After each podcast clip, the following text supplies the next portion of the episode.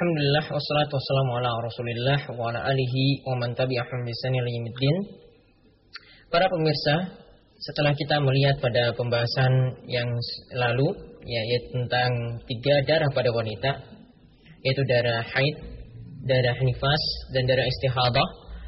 Saat ini kita akan melihat apa yang dibawakan oleh Abu Syuja dalam matan al-ghaya wa takrib yaitu tentang lama waktu haid, waktu nifas dan waktu istihadah lama waktu haid, waktu nifas dan waktu istihadah. Kita lihat e, terlebih dahulu tentang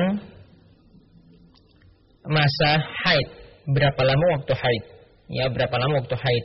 Jadi haid ini adalah darah normal, itu berapa lama waktunya? Dikatakan oleh Abu Syuja wa aqal haidi yaumun wa lailatun. Yaitu minimal waktu haid itu selama sehari semalam.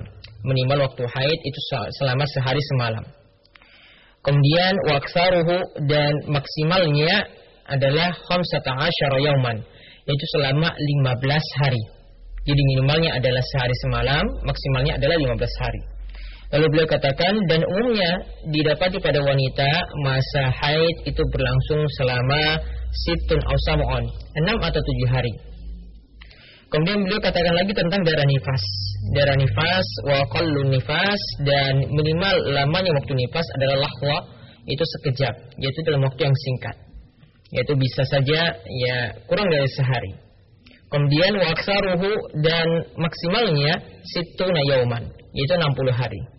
Kemudian wa ghalibuhu arba'una yauman dan maksimalnya adalah 40 hari. Maksimalnya adalah 40 hari.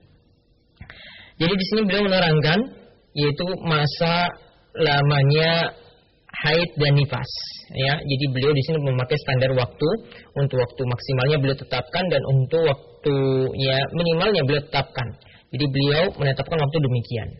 Namun sebagaimana diterangkan oleh Syekh Abdurrahman bin Nasir As-Sa'di yang lebih tepat dalam masalah ini karena tidak ada dalil yang menegaskan waktu minimal dan waktu maksimalnya, maka kita katakan untuk darah haid maupun darah nifas itu tidak ditetapkan waktu maksimal ataupun waktu minimalnya.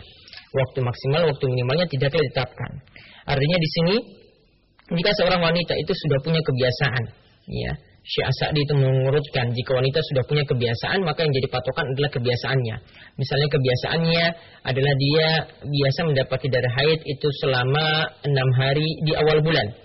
Maka jika dia mendapati sampai 10 hari atau lebih daripada itu, maka yang lebih dari enam hari tadi itu adalah tidak termasuk darah haid, tapi termasuk nanti darah istihadah.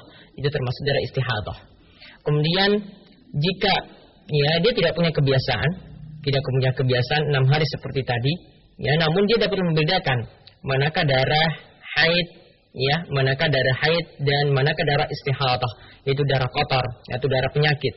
Maka dia memakai patokan dengan melihat perbedaan warna darah.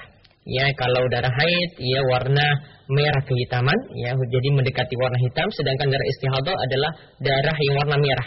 Jadi ketika dia dapati darahnya itu adalah darah warna merah berarti itu adalah darah istihadah yang dia itu masih tetap sholat dan masih tetap puasa. Tapi kalau dia dapati adalah itu darah yang warnanya itu merah kehitaman, maka dia ketika itu ya tidak mengerjakan sholat dan tidak mengerjakan puasa.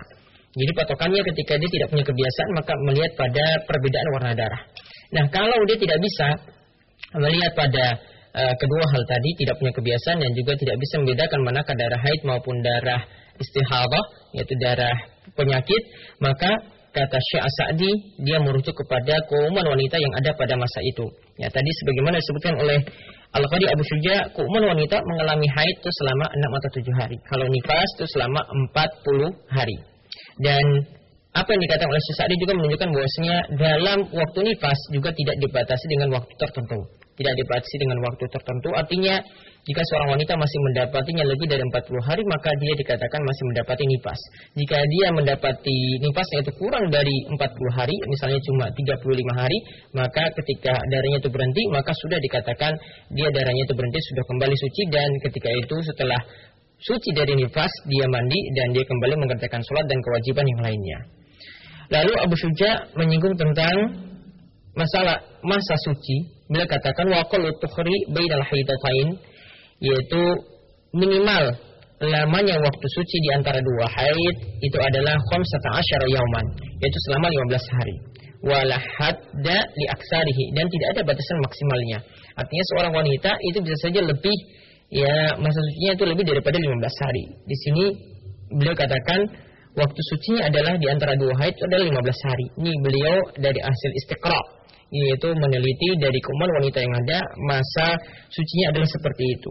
Namun kadang-kala bahkan ada sebagian wanita karena menggunakan obat-obat tertentu seperti obat penghalang haid ya, obat penghalang haid atau obat ya KB misalnya dia menggunakan KB ya sehingga dia uh, tidak mendapati haid dalam beberapa waktu. Ya bahkan mungkin dalam setahun itu cuma sekali atau dua kali.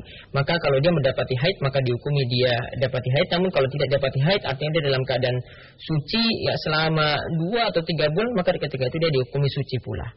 Kemudian beliau mengatakan lagi wa qalu zamani tahidu fihil mar'ah tis'usinin yaitu wanita pertama kali mendapati haid itu minimalnya adalah tujuh tahun. Ya minimalnya adalah tujuh, ya minimalnya adalah sembilan tahun. Jadi dalam mazhab Syafi'i adalah tis osinin yaitu sembilan tahun. Jadi inilah yang jadi pendapat dalam mazhab Syafi'i sembilan tahun artinya kalau wanita itu kurang dari sembilan tahun sudah mendapati haid maka itu tidak dikatakan darah haid namun itu darah kotor ya. Namun yang lebih tepat dalam masalah ini sebagaimana juga yang dikatakan oleh Syekh Sa'di tidak ada penetapan ya waktu minimal atau umur minimal mendapati haid. Artinya ketika seorang wanita itu tujuh tahun sudah mendapati haid maka dia dihukumi mendapati haid walaupun belum mencapai tujuh tahun seperti dalam mazhab Syafi'i. Kemudian yang terakhir yang dibahas oleh Abu Suja tentang minimal waktu hamil. Ya, karena masa haid dan nifasnya ada kaitannya dengan hamil, maka beliau singgung tentang minimal waktu hamil. Minimal waktu hamil itu adalah satu ashur, adalah enam bulan. Ini adalah kesimpulan dari dua ayat yang disebutkan dalam surat Al-Ahqaf dan surat Luqman, ya di mana disebutkan dalam surat Al-Ahqaf wa hamluhu wa fisaluhu salasina syahra yang di mana wanita itu mengalami masa hamil dan masa menyapi, menyapi itu adalah sampai 30 bulan. Kemudian dalam surat Luqman itu disebutkan wa hamluhu ya fi amain ya dan uh, wa wa bisaluhu fi amain dan dia mengalami masa menyapi itu selama 2 tahun. Berarti minimal masa hamil ya 30 bulan dikurangi 2 tahun. 30 bulan dikurangi 24 bulan yaitu 6 bulan. 30 bulan dikurangi 24 bulan yaitu 6 bulan. Maka sebagaimana kata Abu Syuja di sini kesimpulan dari dua ayat tadi dikatakan bahwa waktu minimal hamil adalah 6 bulan. Artinya jika seorang itu misalnya menikah ya kemudian ternyata uh, kurang dari enam bulan itu sudah melahirkan ya kurang dari enam bulan sudah melahirkan maka ini menunjukkan bahwasanya kehamilannya itu bermasalah. Artinya bisa dituduh dia itu berzina sebelum menikah dan kemudian hamil. Kemudian waksaru maksimalnya atau paling lamanya masa hamil itu adalah kata Abu Syuja arba'u sinin yaitu selama empat tahun. Arba usinin yaitu selama empat tahun. Ini yang kejadian di masa-masa silam. Ya, ada yang mengalami hamil semacam itu maka Abu Suja berani mengatakan bahwasanya masa hamil itu paling lama adalah empat tahun. Dan umumnya kata beliau ya wali buhutis atau ashur masa hamil itu adalah sembilan bulan. Masa hamil adalah sembilan bulan. Jadi minimalnya waktu hamil itu adalah enam bulan, kemudian maksimalnya adalah empat tahun dan umumnya yang terdapat pada wanita yang hamil mereka hamil hingga melahirkan adalah selama sembilan bulan. Inilah uh, apa yang dibahas oleh Abu Syuja tentang haid, masa waktunya, begitu juga nifas dan juga tentang masa hamil.